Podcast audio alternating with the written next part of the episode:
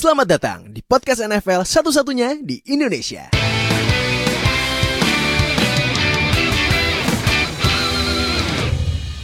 Balik lagi sama gue Fadil host kalian di Zero Knowledge Podcast. Dan akhirnya aduh gila dua match lagi sebelum season 2020 selesai nih. Ah, aduh cepet banget ya NFL ya. Tapi uh, kemarin divisional uh, round udah selesai berarti kita akan mereview divisional round yang sebenarnya sih hasilnya agak expected deh. Iya, nggak banyak upset lah. nggak nggak banyak upset sih ya. Tapi tapi momennya banyak yang ini momennya banyak yang eh apa momennya banyak yang gokil gokil nah ini eh kita balik lagi full team. Ada Fadil Hoyo yang ya nggak apa-apa lah ya. Walaupun Mahomes sempet concussion tapi yang penting masuk divisional round nggak kayak tim gua. Makanya gua kan nggak pakai ini Steelers kan gua pakainya ini nih yang lagi main sekarang tuh Penguins tuh. Nah, Eh, Penguins sekarang. Ya walaupun Penguins juga kalah. Eh tadi menang sih. Cuman kemarin ini juga kalah dua kali sama Flyers tai. Kesel gue nah ini ada Noah yang ya nggak apa-apa lah ya. Nggak apa-apa. It is what it Iris, is. sorry, Iris. nggak apa nggak apa nggak apa Gak apa-apa. Eh, yang remsinya dibakar sama Adams. Sampai Iya, yang kesel. Mayamin, yang yang touchdown emotion itu sama satu lagi. Nah ini kalau ini spesial. Kalau ini ini satu lagi Oka yang sedang galau sama QB-nya ya aduh. buat berarti buat mulai kita bahas dulu rumor yang sedang kencang banget nih di NFL jadi gua langsung tanya aja straight to the point. Gue tanya pada lo deal apakah saatnya Texans trade Deshaun Watson Gak tahu ya. Gua gua nggak nggak terlalu ngikutin beritanya Texans kalau kalau boleh jujur.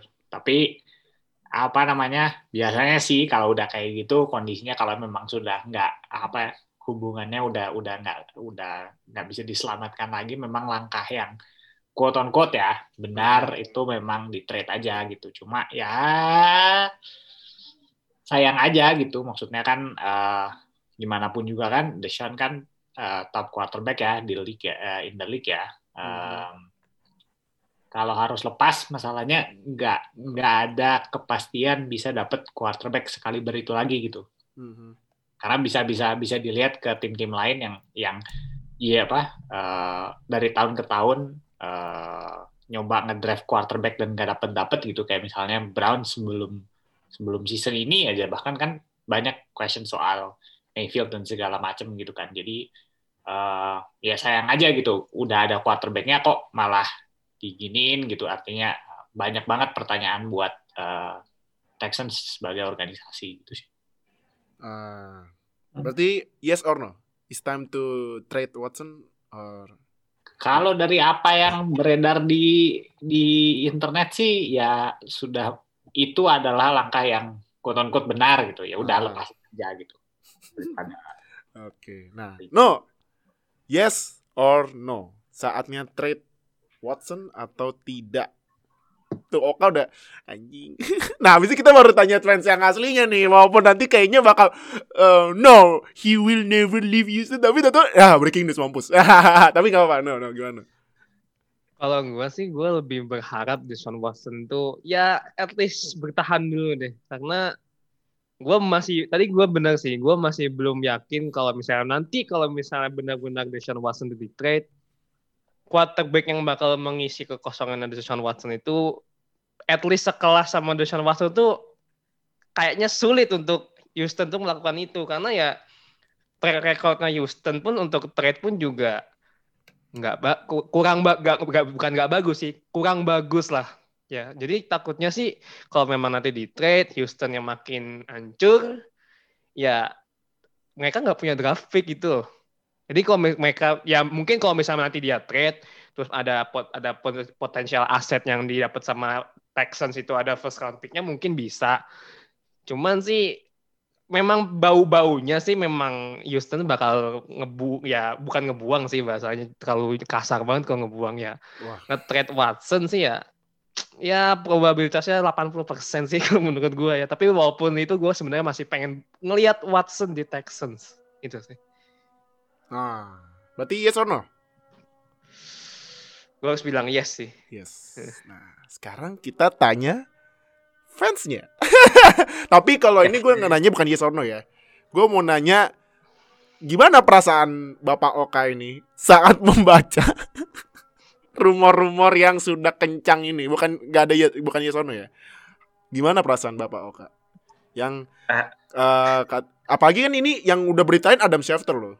Sa- eh, jurnalis NFL paling terpercaya nomor satu loh di NFL. Hmm. Ya walaupun ada yang lain ada yang cepet lebih cepet agak lebih cepet dikit daripada Schefter tapi Schefter ibaratnya jadi kiblatnya jurnalis NFL.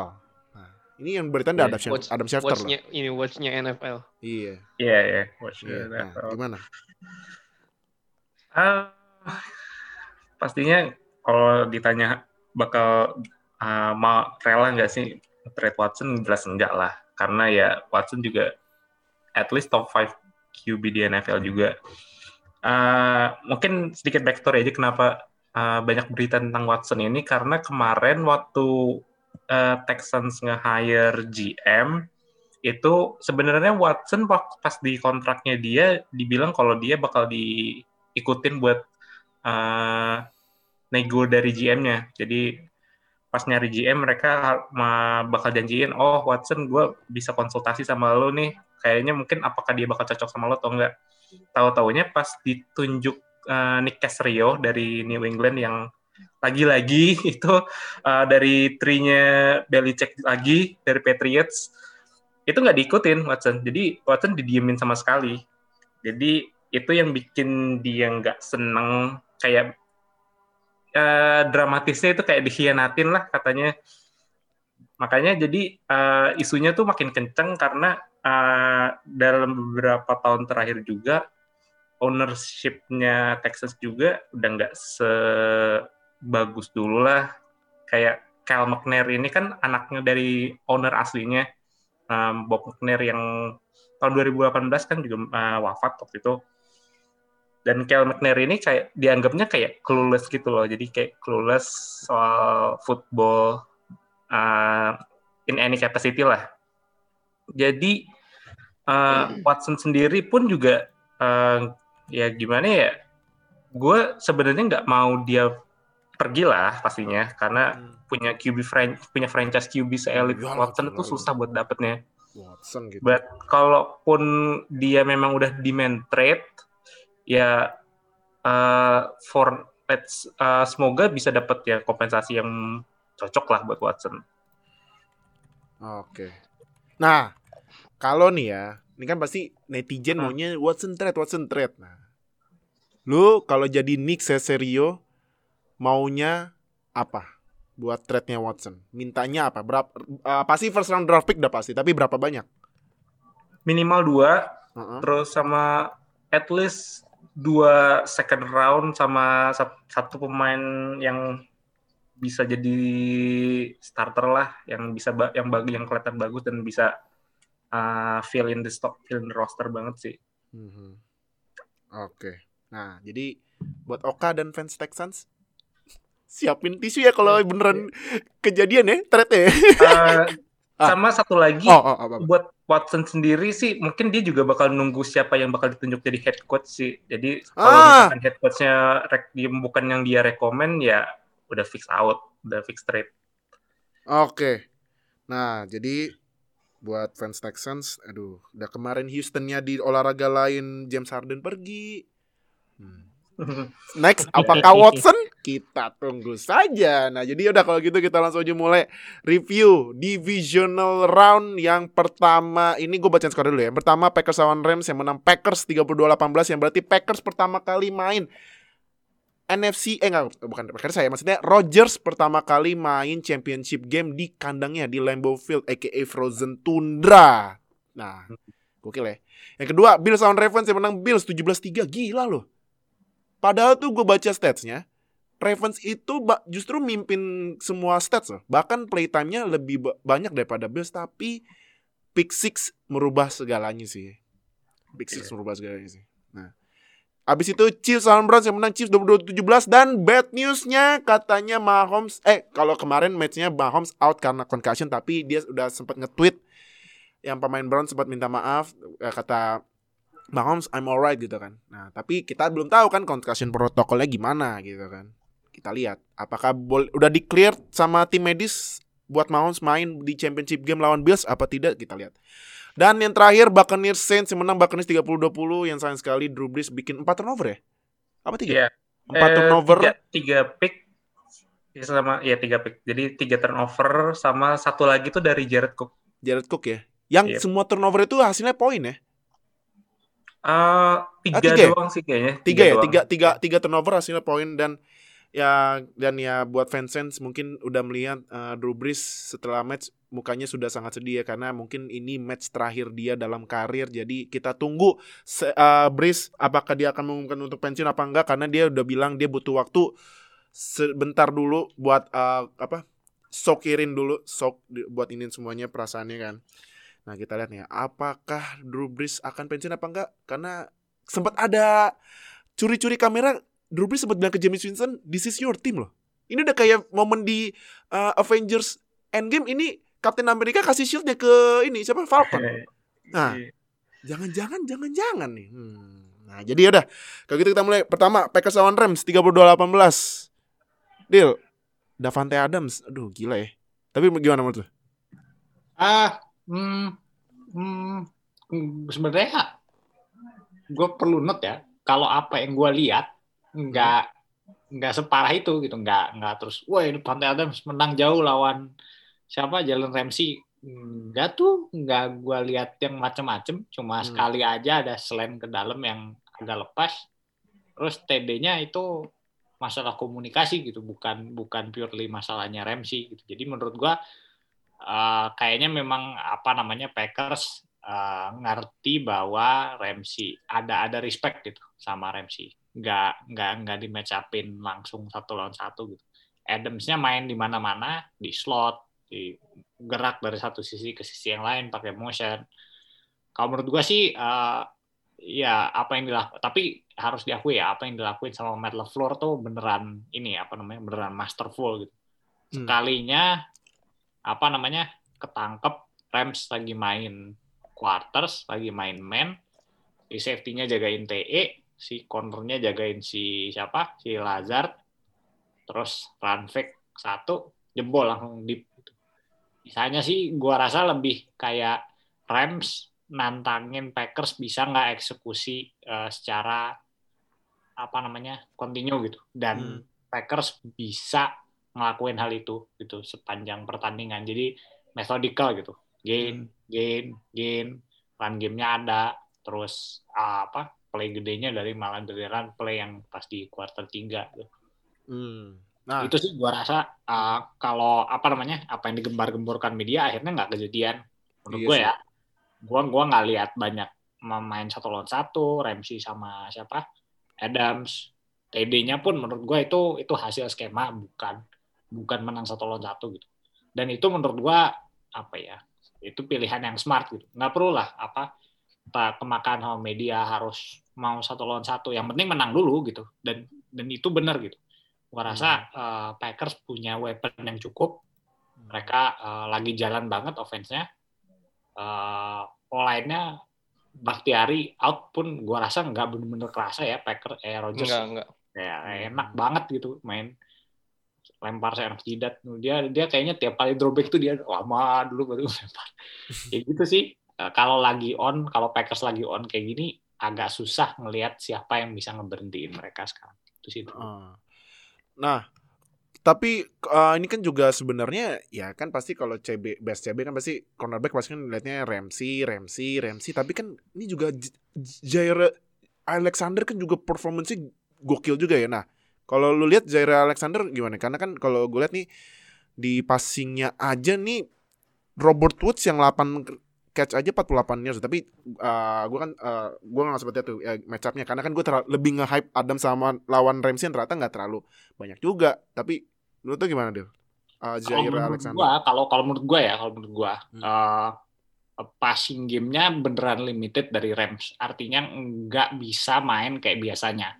Mhm. Run game, play action, drop back jauh, terus ngedip gitu. Mhm. Itu nggak hampir nggak ada elemen itu dari Rams sama sekali. Jadi memang nggak ditantang cornerback yang lebih banyak soft zone, underneath, quick game, gitu-gitu aja passing dari Rams sehingga gua nggak ngelihat uh, apa namanya uh, kemampuan uh, cover coverage dari Packers kelihatan bersinar bagus atau diekspos gitu. Menurut gua nggak kelihatan sama sekali karena pilihan Rams adalah uh, passing game dari empty dan quick gitu. Cepat bolanya keluar dari uh, golf karena kelihatannya ada ketakutan dibandingin uh, defensive back-nya, uh, menurut gua Rams lebih takut terhadap uh, D-line-nya. Karena kelihatan begitu kondisinya adalah Rams harus passing deep, harus ngejar ketinggalan, terus mereka jadi buru-buru gitu kan. Nggak bisa lagi main kayak pas rada-rada di awal tuh mereka kadang-kadang main tempo, apa break huddle cepat segala macem. Itu rada enak tempo apa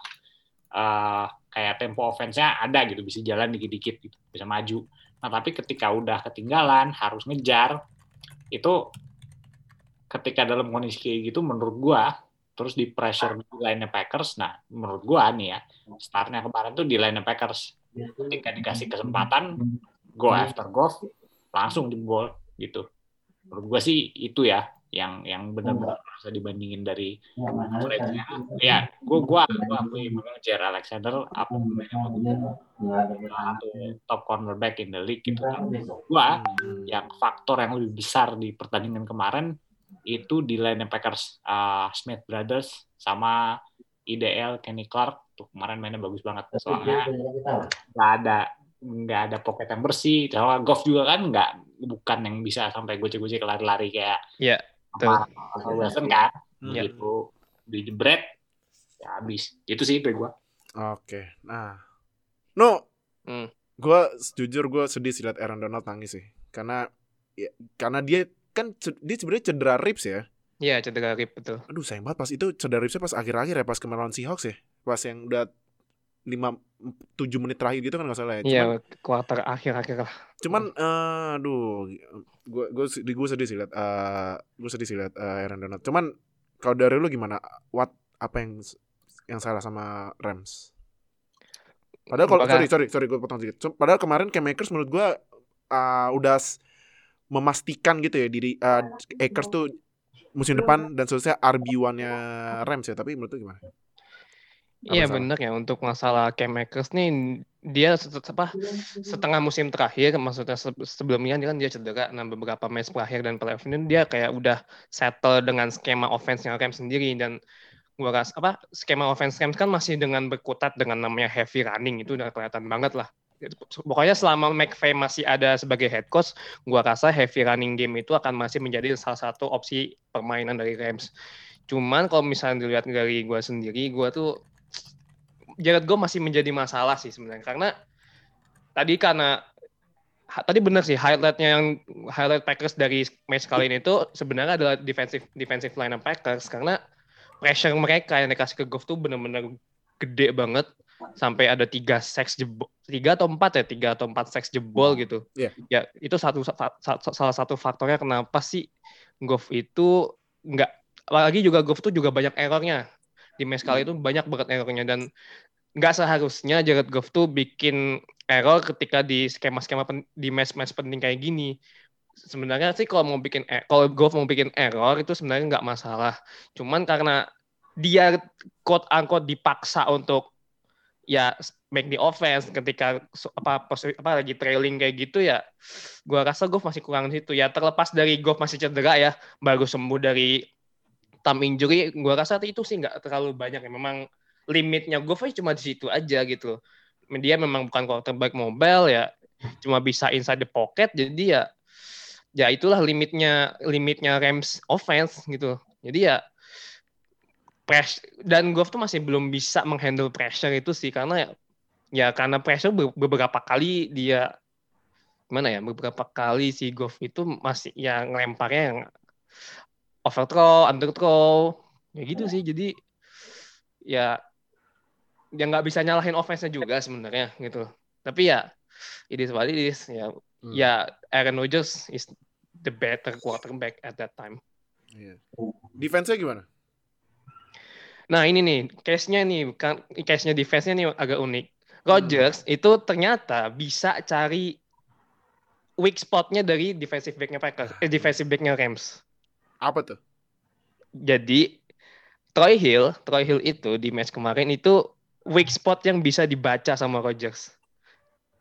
Ada beberapa play atau beberapa action yang dilakukan Troy Hill itu beresiko banget dan berujung ya berujungnya dengan first down, dengan bola-bola yang agak dilewat sama Troy Hill.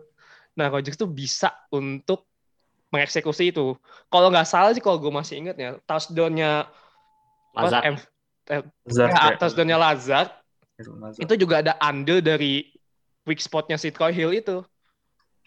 Kayak kurang bisa ngebaca si Lazard itu bakal lari ke mana. Posisinya Troy Hill itu kan dia kemarin itu kalau nggak salah dia di top di ini ya. Harusnya dia main to main sama Lazard, cuman somehow Lazard itu bisa lolos dan itu kan kayak main itu gimana gitu loh. Jadi kan si Rodgers dia ini sebenarnya Rodgers juga pintar sih ya. Dan Rodgers itu main ya ini sebenarnya agak di luar konteks taktis ya. Rodgers itu kemarin kan sempat ada tertangkap kamera kalau dia bermain itu dengan happy. Maksudnya dia senyum aja main-main Iya, anjir. main- Eh, main itu. Gua gua ngeliat tuh uh, gua gua kan juga ini ya ngefollow salah satu apa ada ada inilah yang expert NFL gitu ya si namanya Emmanuel Ac- Aco nggak salah. Jadi kalau Iya, salah- iya. kalau nggak salah, kok- kayaknya dia pemain NFL mantap pemain NFL. Dia bilang lu lawan Rodgers udah lu siap-siap aja kalau dia ada smirk. Dah. hmm. I know what I'm gonna do. Hmm, hmm. Udah kalau dari di smirk udahlah abis lu. udah gitu. TD langsung selebrasinya I won't go. nah, itu lanjut lanjut. Itu kan kayak tandanya wah ini gue udah tahu nih gimana bisa cari weak spotnya di defensive backs-nya defensive back-nya kayak jadi ya ya udah jadinya ya itu sih case-nya defensive back yang yang ku- yang katanya orang bilang media bilang number one defense tapi ternyata ada satu orang yang bisa mencari weak spotnya Ah, oke. Apalagi yang satu yang tadinya Lazard gue nonton tuh, wah gila. Pada jaga ke kiri semua, total Lazard sendiri. Wah, Iya, itu. Betul. sih emang. Kacau sih. Nah, eh kak, eh mungkin dari lu eh gimana? Kalau lu lihat dari overall match overall matchnya sebenarnya uh, closer dari lebih apa ya lebih besar um, nggak setimpang yang dari skor akhirnya juga sih. Karena uh, pas di quarter ketiga masuk quarter keempat pun juga masih kayak uh, Rams masih bisa menang masih selisih 7 poin bahkan pas yang touch, uh, touchdown sama two point conversionnya Cam Akers itu juga gue mikir mungkin Rams punya chance kali ya bisa untuk uh, nantangin Packers.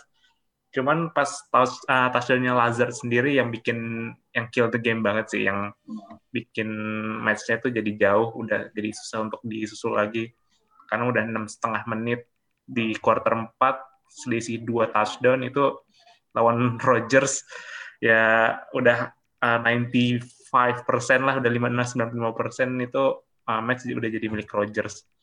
Dan kemarin juga Rams kelihatan stale banget sih offense-nya. Terlalu stale. Karena uh, tadi uh, gue juga setuju sama Nuka karena mungkin karena memang uh, McVay ini juga coaching tree dari Shanahan juga sih kan ya. Jadi mereka banyak uh, manfaatin running game, uh, pakai uh, nyoba bikin space biar slot receiver-nya masuk. Dan kemarin uh, gue ngeliat kayak ada improvementnya pesat banget sih dari linebacker-nya Packers, terutama kayak Kirksey, terus uh, Zedir, uh, Z Smith juga kemarin uh, mainnya keren banget sih. Oke. Okay. Dan Goff sendiri gue juga nggak tahu nih apakah Goff ini kayak mungkin agak slightly below dari elite lah ya. Jadi kayak mungkin dia solid tapi nggak kayak 35 35 juta dolar sol uh, good gitu loh. Karena gue gue mikirnya tuh Goff itu mirip-mirip Mark Bulger justru. Kalau Mark Bulger itu mirip sama Goff, jadi mereka nggak bagus di deep pass, tapi kayak short pass-nya mereka akurat banget. Dan tapi mereka sering-sering kena injury. Jadi hmm. emang agak khawatir juga. Dan satu lagi mungkin yang gue mau notice adalah uh, defense Ram kan musim ini juga number one ya, yeah. ya. Jadi uh, emang um, kelihatannya musim depan bakal agak lanjut lagi in terms of talent tapi Nah, gue juga baru lihat kabarnya katanya di Ya, eh, DC-nya ya, loh, ya, defensive ya, coordinatornya ya, jadi ya. head coach Ya, ca- ya. di tim tetangga. Ya, ke tim tetangga. Aduh. tetap di Los Angeles ya. Iya, tetap di Los Los Angeles. Gue baru Cuma beda doang, Pak. Iya, cuman Iya. iya, iya anjir. Kalau bisa ngekos ya ngekos sama aja. Tempat kerjanya sama aja di sofa. Pindah kamar ya. doang. Ganti ganti Pindah. ganti ganti ini aja ganti uniform aja. Iya. Nggak pindah kamar, cuman Heeh. apa kemarinya nggak ada pialanya. Oh, oke oke oke oke oke oke. The shots taken tuh. Jadi ya kita lihat aja sih apakah defense-nya bakal sama kayak musim ini atau justru malah menurun gara-gara DC-nya udah cabut. Oke. Namain dikit bentar ya. Itu kan si Brandon Staley kan itu juga tak musim ini kan juga first seasonnya dia as defensive coordinatornya Rams. Dan gua rasa ya gua mengucapin ya congratulations dulu lah buat Brandon Staley karena dengan perform- dengan dia sebagai defensive coordinator buat Rams musim ini tuh ya ya CV-nya dia gua rasa udah cukup buat menjadi head coach gitu walaupun dia baru setahun dan semusim menjadi defensive coordinator. Ya selamat aja sih. Good luck deh buat ngasih juara kalau bisa. Oke. Nah, berarti Packers tadi gue udah bilang akan main pertama kali di era Rodgers di championship game di Frozen Tundra aka Lambeau Field. Nah, kita langsung moving on ke next match ini Bills lawan Ravens. Tapi gini deh, sebenarnya gini, gue gue sebenarnya udah expect Bills menang. Tapi skornya ini yang gue agak nggak expect loh. Ravensnya dikasih tiga loh. Dan alasannya mungkin logis ya. Anginnya kenceng, gila sih anginnya kenceng banget. Itu dua field goalnya Justin Tucker nggak masuk loh. Iya. Cuman ada Gua- video gua- itu gua Bills kicker- Mafia ngejampi-jampi dari rumah. Iya. Itu tuh. Itu itu ngejampi-jampi dari rumah tuh di digini-giniin. Eh nggak masuk. Wah, ini Bills Mafia ya. Mengerikan ini jampi-jampinya ya. Emang wah gila. Tapi emang Bills Mafia menurut gua memang fans ter ter ter ter termilitan tapi in positive way ya di Hmm. NFL karena kemarin abis Bills ngalahin Ravens, fans Bills eh Bills Mafia langsung eh, ini loh donate ke lembaga eh, Lamar. badan amalnya Lemar loh. Wah gila sih. Hmm. Sama gue masih inget yang kema- yang dulu pas Bengals tanda kutip bantuin Bills masuk playoff langsung ngedonate juga. Wah gila sih. Gue respect sama Bills Mafia. Nah gitu. Kalau menjadi fans militan kayak gitu yang ada harus ada yang positifnya. Nah tapi deal kalau menurut tuh gue ini ya kalau gue mulai lu dari sisi Ravens ya. Kalau lu kalau lu lihat Ravens lu eh, selain ini ya selain faktor angin ya kaget nggak cuma tiga poin? Enggak sih. Oh, Enggak, tuh? maksudnya kan tiga poin kan tadi dua miss uh, Tucker kan. Artinya dua itu itu scoring drive sebenarnya ya kan. Kalau masuk misalnya dua skornya Ravens berapa? Sembilan berarti kan. Hmm. Satu lagi kan apa namanya? eh, pick six kan. Iya. Jadi kalau kalau pick six-nya masuk, kalau itu normal gitu. Kalau misalnya itu jadi field goal aja, skornya dua eh skornya 12-10 gitu. Yang menang Ravens gitu iya sebenarnya deket banget antara antara dua tim ini ya menurut gue ya. Uh, jadi gua rasa sih nggak ada yang salah dengan metodologi apa apa yang dipilih oleh Ravens ya. Artinya nggak ada yang salah. Defense-nya menurut gua mainnya bagus banget. Uh, cuma give up two scoring drive kan berarti TD satu sama uh, field goal satu ke Bills yang mainnya musim ini lagi bagus banget offense-nya gitu. Jadi menurut Hmm. gua defense-nya Ravens masih termasuk salah satu yang paling bagus di NFL itu itu itu facts lah.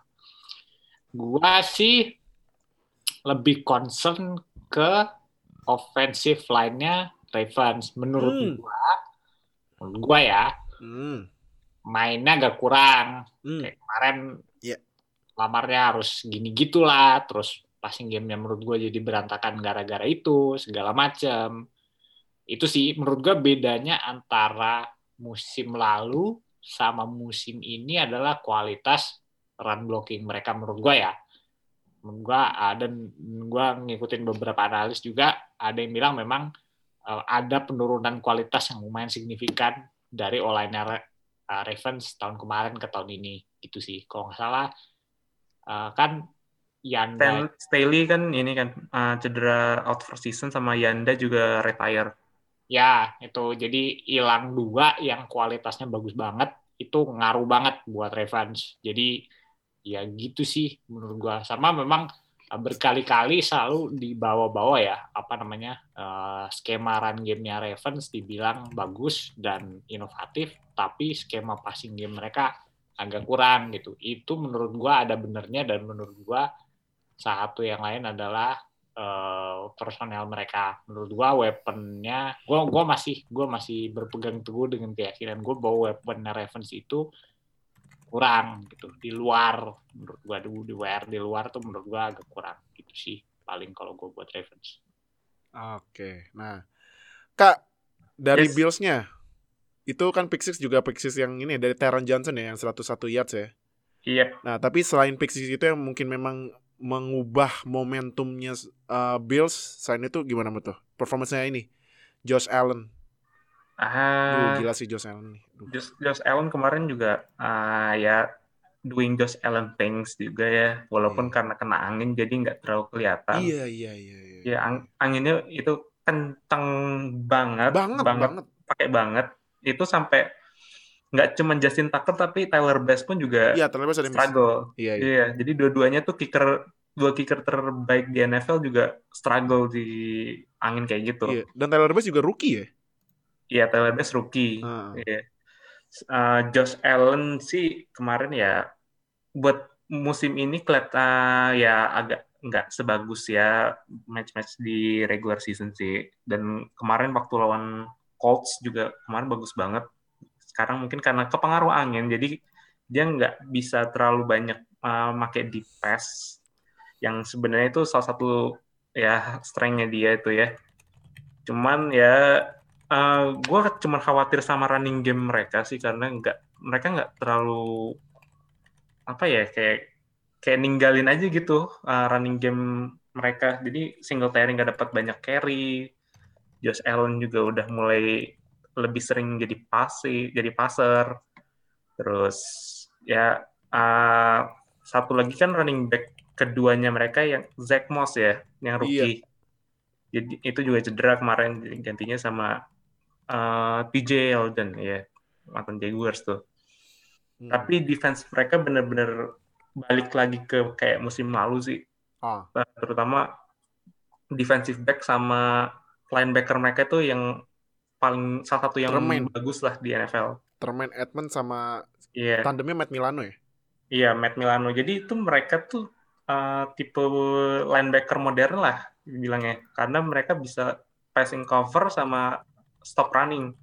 Itu Hmm. yang banyak dicari sama tim NFL jadi itu mereka juga jadi kayak hmm, yang sentralnya lah yang pimpinannya dari defense-nya mereka terus defensive mereka, uh, defensive back mereka juga ada Trey Davis White yang salah satu yang paling bagus uh, Terren Johnson sama Levi Wallace itu juga underrated banget sama Jordan Poyer, Micah Hyde itu kalau dibikin kolektif sih itu sama bagusnya kayak Rams jadinya Ah, oke oke oke oke. Nah, eh no.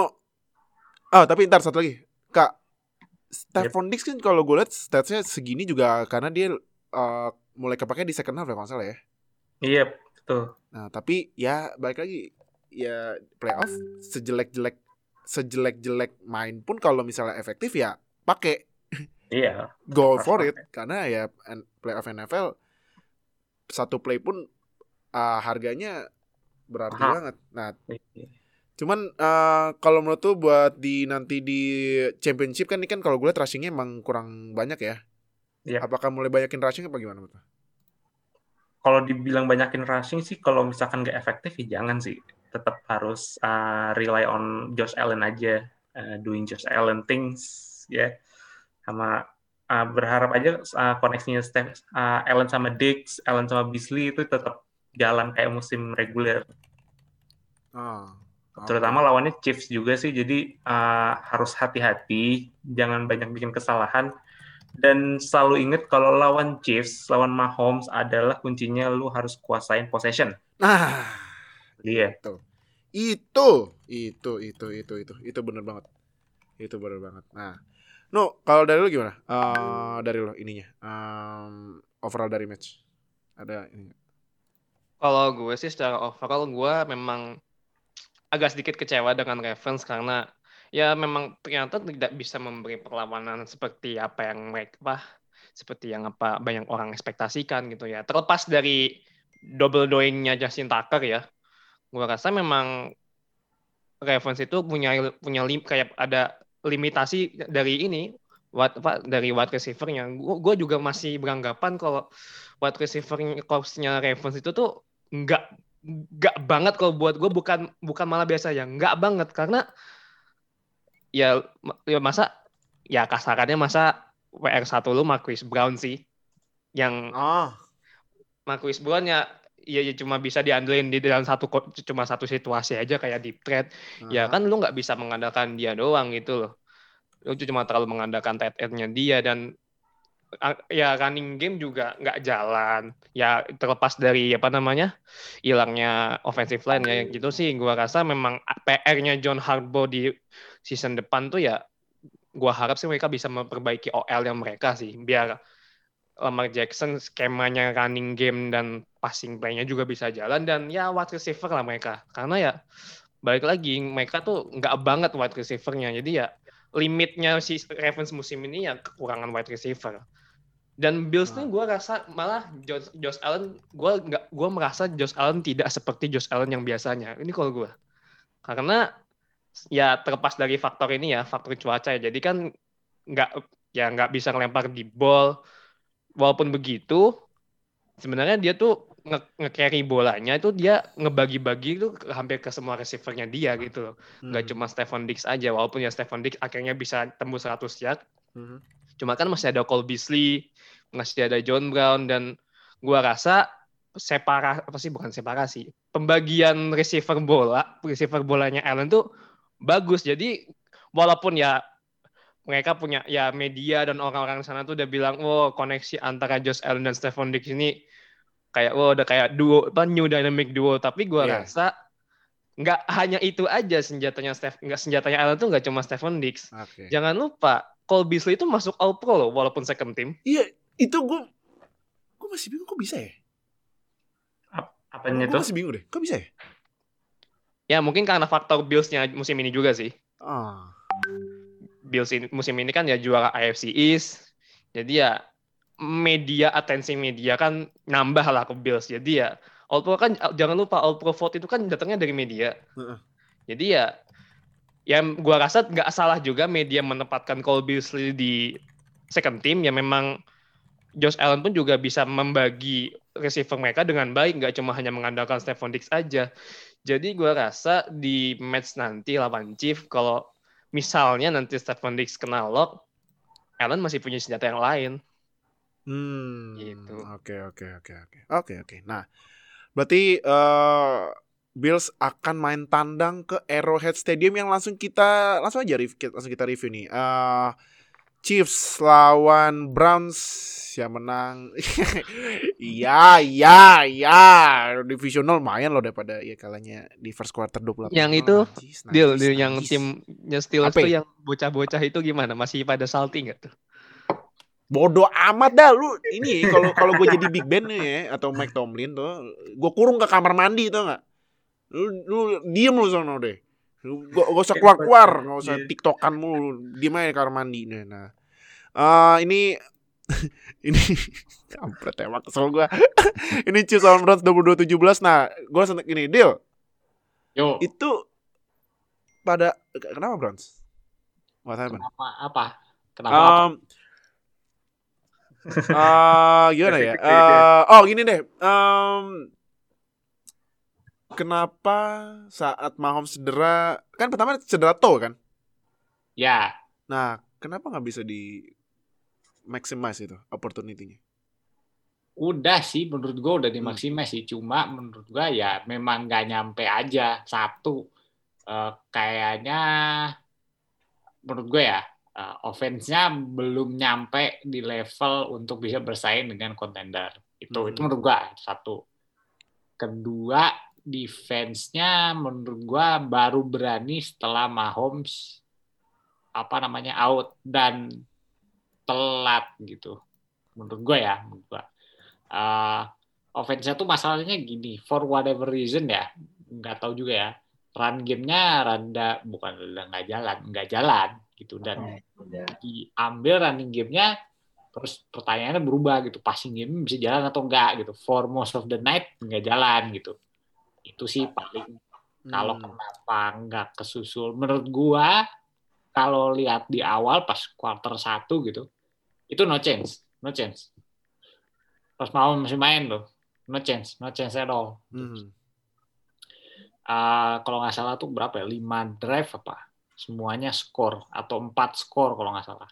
Itu jalan banget gitu. Dan mungkin ada pendekatan filosofis ya menurut gua masuk akal lah. Maksudnya kalau lu lawan Mahomes coba no big play. No- nggak nggak ada big play sama sekali dari dari Chief nggak Hmm. ada nggak ada deep shot nggak ada nggak ada run jauh yang yang yang panjang nggak ada. Jadi in- menurut gue ya itu by choice itu pilihan yang dibuat secara secara secara conscious gitu. Itu itu kayak kayak pelatihnya Browns uh, ngumpul terus bilang udah kita kita berhentiin di pas nggak ada explosive play kita nyoba nantangin Chief mereka mau nggak main sabar gitu. Jadi kalau menurut gua game plan-nya seperti itu secara defense. Dan Chiefnya berani main sabar eh, sorry mau main sabar. Dicicil dicicil, dicicil maju aja. Yang drive pertama tuh kalau nggak salah lebih dari 6 menit ya hampir 7 menit drive tuh. Pas pertama shoot maju. Terus field goal. Nah menurut gua eh, harus ada kemampuan. Soalnya menurut gua defensive back-nya sebenarnya bisa main man gitu. Menurut gue ya harusnya bisa main man ada Denzel Ward ada Terence Mitchell. Menurut gue harusnya layak dan bisa main main man tapi nggak dilakukan gitu. For whatever reason. Gue nggak tahu kenapa itu sih dari sisi defense dari sisi offense-nya. Jadi menurut gue ya ini termasuk gue mau komentarin soal ntar lawan Bills juga. Defense-nya Chief itu bisa main man to man nggak tahu apa WR-nya Brown saja yang busuk. Sih. Tapi mereka mau main man to man bisa. Jarang banget dapat separasi gitu. Kayak kelihatan bahwa mereka Chief mau main man dan bisa. Itu sih paling tapi eh, beda ya level-level WR antara Browns sama Bills bedanya lumayan jauh menurut gua Bills Hmm. punya Stephon Diggs Bills punya Cole Beasley menurut gua itu dua orang itu harusnya bisa lepas cuma ya nggak tahu lagi deh gitu sih paling dari Browns Ah. Um, gue mau nanya, no, no. Kalau menurut lo dari Chiefs gimana? Walaupun Mahomes out, tapi Chad Henne bis- bisa, ya walaupun dia sempat overthrown kan, ke intercept di end zone, tapi cuman Hmm. dari kalau menurut lo gimana? Ya, Chief just being Chief aja sih, kalau menurut gue ya. Karena ya terlepas dari Chad Hinn yang tiba-tiba masuk dan dan gua rasa sih sebenarnya Browns itu punya chance buat nyamain Chief ya itu ketika Chad Hinn masuk itu. Itu chance terbesarnya Browns kalau menurut gua. Aha. Ya tadi benar sih dibilang Fadil Samo kenapa mereka tuh kayak kurang bisa mengeksekusi itu dengan baik. Jadi ya Chief just being Chief, gue sih lebih menilai ke ke, ke ke ini ya ke defense mereka ya dan baik apa mereka tuh kayak mereka tuh bisa ngerit read offense-nya Browns tuh dengan bagus banget gitu loh. Gua ngeliat apalagi kan ada satu play-nya Tyron Matthew juga yang dia bikin intercept itu juga salah satu dari ya ya defensive back-nya Chief itu bagus nggak bisa mereka bagus kok cuman nah ini dia slightly underrated mereka tuh defensive Hmm. back-nya defensive back-nya Chief tuh Mhm. underrated padahal kualitasnya ya bisa dibilang setara bagus itu ya mereka bisa read, read offense mereka bisa read coverage dan front seven mereka juga bisa dibilang bagus juga gitu. Ada Frank Clark juga yang bikin pressure di sana. Gua rasa sih front sevennya Chief juga kemarin itu juga bisa ngasih pressure ke Mayfield. Yang bahkan Mayfield kan juga harus sering keluar pocket dia. Dia harus sering keluar pocket buat menghindari pressure dari front sevennya Chief. Dan it works. Mereka berhasil melakukan itu. Dan ini sih yang bakal menjadi PR-nya Josh Allen nanti di AFC AFC Championship gimana mereka gimana bisa menghandle pressure dari front seven-nya Chief karena gua rasa di match-nya Bills kemarin itu OL-nya tuh nggak sebagus biasanya. Jadi ya ya defense-nya Chief tuh jangan jangan dianggap sebelah mata sih kalau menurut gua itu sih pesan gua. Oh, Jangan dianggap sebelah oke. mata defense-nya Chief. Oke, oke. Nah, eh Kak, dari lo overall match gimana? Overall match sih ya gue juga udah sebenarnya udah dijelasin juga sama Fadil sama Nuha juga sih. Jadi uh, kemarin Casey emang mainnya ya sabar ya, patient dan mereka juga nggak buru-buru uh, kayak harus uh, ngejar skor atau gimana. Jadi setiap draft mereka juga di first half itu semuanya poin. Jadi uh, 17 di, dari eh berapa sih? Jadi itu 20, sorry.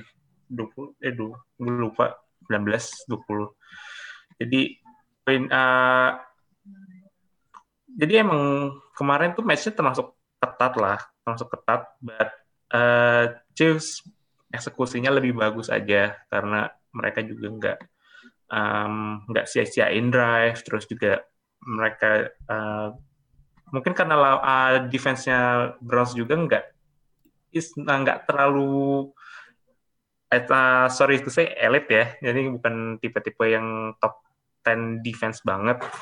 Dan mah dan Mahomes sendiri juga kemarin walaupun pada sempat cedera juga tapi overall dia performa juga oke okay sih. Jadi uh, gue juga mungkin sedikit uh, notice juga karena dalam beberapa pekan terakhir juga sih Chiefs itu agak kurang meyakinkan dalam mainnya mereka. Jadi kayak dari gue hitung dari week 13 tuh mereka selalu menang kayak cuman single digit doang ininya menangnya. Jadi nggak eh, nggak terlalu meyakinkan dan kayak terlalu nyaman aja gitu sama rekornya mereka yang udah jauh di atas uh, rival-rivalnya mereka di divisi. Jadi uh, udah balik lagi ke performa awal musim dan mereka udah mulai panas lagi. Jadi nanti AFC Championship game tuh yang seru antara timnya dua tim yang lagi panas banget antara Chiefs sama Bills. Hmm, oke. Okay. Nah, um, oke okay, itu uh, Chiefs Browns apalagi yang terakhir-terakhir Chad Henne gila ya. Yang lari oh. nyaris first down fourth that fourth and inches loh. Gila loh. Dia masih itu bisa. and 14 lagi tuh iya gila loh. Dan gitu oh. Tony Romo teriak only Andy Reid that will do shotgun in fourth and inches. Gila sih emang Andy orang gila udah udah bakal cuma mancing false start eh ya iya iya buat mancing ya, ya. mancing false start. Offside ya offside ya. Mm -hmm. tahu-tahu gila gue juga kaget. Lu gila apa nge-snap shotgun tahu uh, apa uh, lari ke kanan kasih ke tarik kill gila sih emang Andy Reid call banget gokil gokil. Nah berarti itu yang AFC udah selesai. Chiefs lawan Bills di AFC Championship Game. Apakah Chiefs akan mencoba kalau misalnya menang apakah bisa mencoba repeat uh, repeat ini repeat champion pertama kali sejak Patriots tahun 2003 sampai 2004 ya? Eh 2000 iya 2003 ya, musim ya? 2003 sama 2004 iya 2004 atau Bills akan redeem empat Super Bowl beruntun tahun 1990 tapi eh, 1990 sampai 1993 tapi kalah semua sama NFC West. Eh, NFC East. itu sedih banget sih emang. Jadi udah AFC udah selesai. Chiefs lawan Bills buat lu semua yang mau karbit ke Chiefs silakan, mau karbit ke Bills Mafia silakan, enggak apa-apa. Boleh banyak loh fansnya ternyata. Iya banyak loh Bills Mafia, tiba-tiba. Bills Mafia sama Chiefs. Iya tiba-tiba tapi. Kok bisa ya? Kan, Chief kan udah banyak. Oh, Chief udah dari kemarin. Chief udah banyak. Chief udah iya. kemarin. Nah, kalau Bills ini Bills Mafia tiba-tiba banyak ini. Kenapa ini? Iya. Tapi enggak apa-apa. Nah, apa uh, terakhir ini pertandingan dua bapak-bapak tua yang ditayangkan di History Channel ya. Buccaneers Buccaneers lawan Saints ya menang Buccaneers 30-20 yang tadi gue udah bilang di awal sayang sekali ya Breeze bikin 3 turnover aduh dan mungkin ya mungkin mungkin ini kita melihat Drew Brees terakhir main di NFL nah cuman dari lu deal selain turnover itu yang hasilnya poin semua buat Buccaneers apa lagi faktor lain? Nggak ada ya menurut gue ya. Menurut gue for whatever reason ya gue gue seneng banget lihat Fournette main. Seneng hmm. banget lihat Fournette main nggak tahu kenapa. Gue gue lihatnya kan pas dulu tuh awalnya tuh oh ini power back nih. Dia kerjanya cuma lari dan cuma downhill doang gitu. Kemarin hmm. tuh musim ini ya dia revelation banget. Dia main passing gamenya bagus banget pak. Jadi iya iya benar benar. everywhere. Ya iya benar bahkan dibandingin sama tandemnya uh, Ronald Jones yang yang yang orang-orang apa biasanya kalau yang main fantasy itu bilang oh Ronald Jones nih ini suka jadi apa suka jadi apa pass catching game gitu. Suka dapat target di passing game gitu. Yeah. eh ternyata semuanya tahun ini dikasih ke Fournette gitu. Jadi senang aja lihat lihat Fournette main kayak gitu. Soalnya menurut gue sih uh, iya ya maksudnya kalau untuk kalau udah sampai pada level playoff gitu akan susah untuk dapat kayak deep shots terus apa satu lawan satu di luar karena defensive backnya udah jago terus defense-nya udah ngerti gitu. Defense yang masuk playoff tuh biasanya bukan cari aman ya tapi ngerti kalau mau menang itu lu maksa offense-nya untuk execute dengan baik gitu. Jadi semuanya ngambil ngambil approach nge-prevent gitu kan Nah itu itu sih yang gue lihat sih. Uh, Brady memang uh, main kayak biasa ya underneath banyak di bawah, banyak check down ke running back. Itu tadi makanya si Fournette dapat target lumayan banyak, gocek-gocek. Itu sih gue gua seneng liatnya uh, apa namanya dan dan ini ya defense-nya defense-nya Bucks menurut gue udah panas lagi. Kan gue sempat komentarin bahwa defense-nya Bucks kemarin ya, di eh, sekitar akhir musim gitu gue sempat komentarin bahwa level mereka sebenarnya bisa lebih tinggi dari ini cuma mereka belum nyampe belum nyampe lagi gitu, belum panas lagi. Sekarang gue lihat sih defense-nya ini ya apa udah udah flying everywhere gitu. Pemainnya selalu kalau ada pemain Saints dapat bola selalu dikerubungin gitu. Terus apa namanya yang yang fumble-nya Jared Cook tuh kelihatan banget kayak misalnya udah lawan udah make a catch lu tetap kejar gitu lu tetap nyoba get the ball out jadi menurut gua memang apa namanya uh, nah ini ini yang ini adalah salah satu komponen yang menurut gua uh, ada dari Tom Brady gitu Tom Brady itu bisa apa uh, bisa uh, membawa timnya itu menanamkan urgensi gitu. Eh ayo ini udah playoff gitu. Ini waktunya uh, make a play gitu. Menurut gua cukup jarang ya kita lihat kan kan kalau yang lain tuh kayak kalau Drew Brees kan sering kayak ada klip dia ngasih speech segala macam gitu kan sebelum pertandingan mulai gitu. Kalau Brady menurut gue cukup jarang tapi yang yang gue dapat adalah itu terjadi di locker room, itu hmm. terjadi hmm. praktis gitu sehingga kita nggak lihat momennya, kita nggak lihat momennya di kamera, tapi hasilnya ada gitu. Kita kita hmm. lihat bahwa tim Buccaneers ini main dengan urgensi bahwa oh ini ini ini this is this is time to win gitu. Jadi menurut gua itu sih leadership dari Tom Brady kerasa karena kan nggak ada yang nggak ada yang berubah kan dari tim Buccaneers tahun hmm. lalu ke tahun ini cuma ganti quarterback aja kan. Hmm. Sementara kita bisa lihat ada perbedaan urgensi yang jauh banget gitu. Hmm. Mike Evans nggak ngomong apa-apa. AB main di Bucks relatively sunyi gitu kan. Sebelumnya dia selalu ada selalu ada berita apa mengenai Antonio Brown gitu. Jadi Fadil bisa bersaksi tuh kalau kayak gitu. Iya, iya. Gue gue gue formalitas aja iya, iya aja padahal dalam hati gue anjing kok nih nama kenapa disebut lagi sih? Tapi enggak lanjut, lanjut, lanjut, Itu udah di udah dipukul sama Brady. Lu yang bener lu kalau main lu. Awas aja lu bikin Lu masih dipukul, cuma diploterin diploterin aja. Playoff ya lu jangan macem-macem lu ya. Pakai selfie itu ya, pakai selfie berdua itu. Iya iya. Itu sebelum sebelum foto tuh, sebelum selfie tuh sebenarnya Brady bilang, gue gue boleh lu selfie sama gue cuman kalau macem-macem gue gue jitak lo ya tidak ada TikTok jadinya. Ya, ada tidak ada TikTok, TikTok ya. Nggak ada nyinyir nyinyir oh kalau kalau beda beda. Kalau Ebi kan nyinyir di Twitter. Nggak ada nyinyir di Twitter lo ya. Hmm, gitu. lanjut lanjut lanjut lanjut lanjut lanjut. Iya jadi gua gua rasa leadershipnya beneran kerasa gitu kan. Apa namanya banyak pemain-pemain yang datang dan nggak ada beritanya gitu. Relatifly nggak nggak ada berita yang keluar dari dari Fox kan. Hmm Nah itu itu itu yang itu yang gua rasa mungkin uh, di situ uh, letak dari leadershipnya Tom Brady gitu. Menurut gua sih itu ya makanya kenapa makanya Bucks kelihatan. Itu tipikal tipikal Patriots banget kan sebenarnya. Nggak ada berita pas playoff mainnya bagus gitu kan. Jadi no mistake lah no mistake ya. No no, no mistake no mistake gitu kan. Jadi gua gua rasa salah satu komponen uh, Bucks sukses tahun ini adalah dari uh, leadershipnya Tom Brady gitu sih oke oke oke nah um, kak yes. sense apa ini ini ya kalau gue gue cek Slant Boy Cia Slan Boy. Slan. Slan Boy. Nol catch. Nol. Iya. Nol. Nol catch. Who can guard him? Anyone? Iya. nah, Iya. tapi tapi menurut lu what went wrong sama Saints selain tiga Turnover. empat turnover itu? Hmm, over. Michael Thomas berubah ya dari can guard Mike jadi can catch Mike. Jadi Ah. udah mulai iya, iya. rasa gitu kayak duit eh, udah mulai di kepala dia.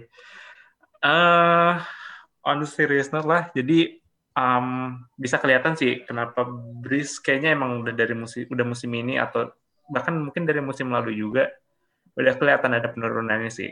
Jadi dia udah nggak main di pass, udah jadi sempat diobrolin juga kan kayak Brady itu nggak berani di pass. Brady nggak berani di pass gimana Drew Brees? Drew Brees itu benar-benar uh, udah nggak nggak kenceng lagi passnya dan juga udah hilang gayanya dia tuh kan em, dari awal emang short pass yang kayak kayak laser gitu kan ya kayak langsung Ya, kena gitu, gitu lah bolanya. Bullet main shot. ya mainnya yang short pass yang high yang higher percentage gitu. Kemarin pun juga uh, walaupun sempat ada beberapa momen lah dia uh, bisa connect sama receivernya dia. Cuman overall emang dia dikurung banget sih. Jadi kelihatan kayak udah nggak sebagus dulu lah udah nggak se kayak prime breeze memang dan tiga turnover dari Breeze ini tiga pick ini katanya juga game terburuk dia sepanjang dia di New Orleans Saints. Jadi emang eh, kalau istilahnya kan kayak go out with a whimper ya. Jadi kayak lu pensiun atau lu cabut dengan game yang jelek gitu. Ya nggak bisa ya nggak bisa nggak salah juga sebenarnya. Dan defense-nya juga sih Saints kemarin juga sebenarnya ini gamenya termasuk close juga sih. Jadi ini defensive battle. Cuman ya tiga turnover itu jadi pembeda buat eh, Tampa Bay juga sih. Jadi eh, mungkin yang harus eh, fans Saints lihat itu juga buat off season sih. Karena off season mereka ini mereka banyak PR yang harus mereka iniin. Mhm. harus mereka lihat. Terutama satu di QB mereka mau cari pengganti Breeze siapa? Apakah mau Taysom Hill atau mau Winston? Terus cap space mereka juga uh, jebol banget nih. Jadi gue baru lihat di 2021 mereka udah minus 100 juta. 100 juta buat cap space jadi Iya, iya. Jadi gue nggak mau kayak eh, bilang ini, oh mungkin nah, mereka bisa cari caranya, oh gimana. Pasti akan ada pemain yang di cut, kayak pemain-pemain yang mungkin dead cap-nya nggak terlalu gede, jadi pasti mereka akan cut itu pemain. Dan juga eh, satu lagi, mereka mau eh, apa yang mau mereka lakuin buat eh, Michael Thomas. Nggak tahu juga apakah uh, Michael Thomas bakal mereka masih percaya sebagai number one receiver ataukah mungkin mereka mikir oh mungkin capnya terlalu gede buat kita dan sekali selagi ada trade value kenapa coba nggak coba kita cari trade partner buat Michael Thomas Mhm. jadi emang eh, bisa dibilang kayak end of an era lah karena Drew Brees udah singkat gue udah 14 atau 15 tahun juga di New Orleans barengan Sean Payton lagi. Jadi partnershipnya itu emang salah satu yang paling lama di NFL. Jadi cari QB mereka sebenarnya mereka udah ada yang di organisasi mereka sih antara Tyson sama Winston banyak yang bilang mereka lebih leaning ke Winston karena mereka dia lebih pure QB dibandingkan Taysom Hill. Jadi ya kita lihat aja lah buat off season buat Hudat Nation mungkin siap-siap aja untuk off season yang rame-rame ini ntar. Hmm, oke oke. Nah, em, jadi ini, nah terakhir ya, ini terakhir buat review sekarang. Deal, Breeze, retire atau setahun lagi? Kalau menurut gua udah ya, udah udah habis. Menurut gua nggak. Uh, I don't think anything good will came if he push to play for another year gitu menurut gue ya. Karena uh, berat dianya secara fisik juga gue ngeliatnya ya, ya sakit hati juga gitu. Kalau lu nggak bisa nge-push the ball down the field agak susah. Kalau kan at this point kan yang dikejar cuma championship kan dia dia pasti pengen lebih dari satu rings. Iyalah. Yo, air kan. Pasti itu main goalnya pasti itu kan. Dan kalau udah masuk playoff menurut gua nggak bisa kalau nggak ada itunya apa namanya uh, arm strength segala macam. Secara fisik dia dia udah nggak bisa. Kalau cuma main regular season sih gua gua yakin is oke okay lah. Kalau memang dia mau ngejar rekor jumlah yard atau passing TD atau segala macam gua rasa bisa-bisa aja. Cuma menurut gua bukan itu yang dia kejar dan jadinya ya agak useless aja kalau dia mau ngegas satu season lagi gitu itu sih Hmm. dari gua Oke. No, pensiun apa setahun lagi? Gua rasa tidak ada kebutuhan lagi buat Drew Brees untuk stay di sana karena ya sejak NFC Championship 2018 itu Oh yang PI itu ya? Iya, yang, lo, tim lo masuk Super Bowl itu ya? iya, yang final itu yang ya menang karena ini kan field goal. Oh, iya. Dan se- semenjak itu regresinya Drew Brees itu gua rasa udah cukup menjadi justifikasi kalau udah nggak perlu lagi Drew Brees itu untuk melanjutkan karirnya dia. Musim lalu kan dia cedera ya, cedera apa tuh tamnya dia dan spotnya diisi sama Teddy Bridgewater dan, dan gua rasa Saints tuh masih bisa rely sama another quarterback selain Drew Brees gitu. Mereka masih bisa bertahan, mereka masih bisa survive, bahkan menang malah 5-0 waktu itu sama Teddy Bridgewater. Iya, mata di Bridgewater. Kalau sama kemarin Taysom Hill ya walaupun kalah sekali ya, tapi lumayan lah. yang gua rasa memang udah saatnya Drew Brees ya istirahat, nganggon anak, anaknya banyak loh. Anaknya banyak ya, waktunya family aja lah. Dan nanti kan bisa cerita ke anak-anaknya, walaupun ya cuma punya satu ring ya. It, it's something that can he proud of gitu ya.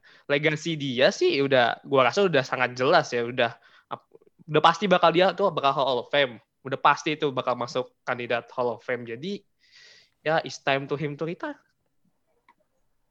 Oke. No, eh, Kak, retire atau setahun lagi? Tergantung dari dia pengen ringnya sebesar apa sih. Kalau misalkan emang masih mau ngejar ring ya pasti ada one more season. Hmm. Cuman ya kalau misalkan dia lanjut one more season mungkin nggak nggak ada manfaatnya juga buat Saints karena ya satu ya maninya ya gajinya dia tuh gede banget kedua juga udah limited banget soalnya jadi eh, emang mungkin ini tergantung dari Breeze-nya sih bukan tergantung dari Saints-nya jadi gue belum bisa jawab banget tapi mungkin lebih leaning ke retire sih kalau gue lihat Hmm, oke. Nah, eh berarti itu udah selesai eh, review di divisional round. Jadi jadwal championship round jam 3.05 pagi WIB hari Senin depan buat NFC ya, NFC Championship Packers lawan Buccaneers, Rodgers lawan Brady yang sebenarnya Ah. sebenarnya mantap gila sih. ya. Gila Akhirnya, ya. Gila ya. akhirnya. Gila ya. empat Ini sebenarnya ini sebenarnya sih ini sebenarnya match up-nya yang kita inginkan di Super Bowl tapi ya karena nggak pernah ketemu ya nggak apa-apa lah di championship round ya.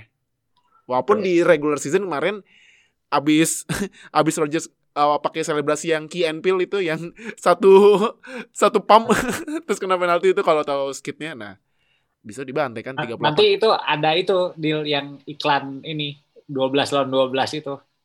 Yang Oh. oh iya iya iya tahu kan ya Michael Jordan. Iya iya udah udah. Nah, eh itu ya NFC mainnya NFC Championship mainnya jam 3.05 pagi di Mola TV pastinya.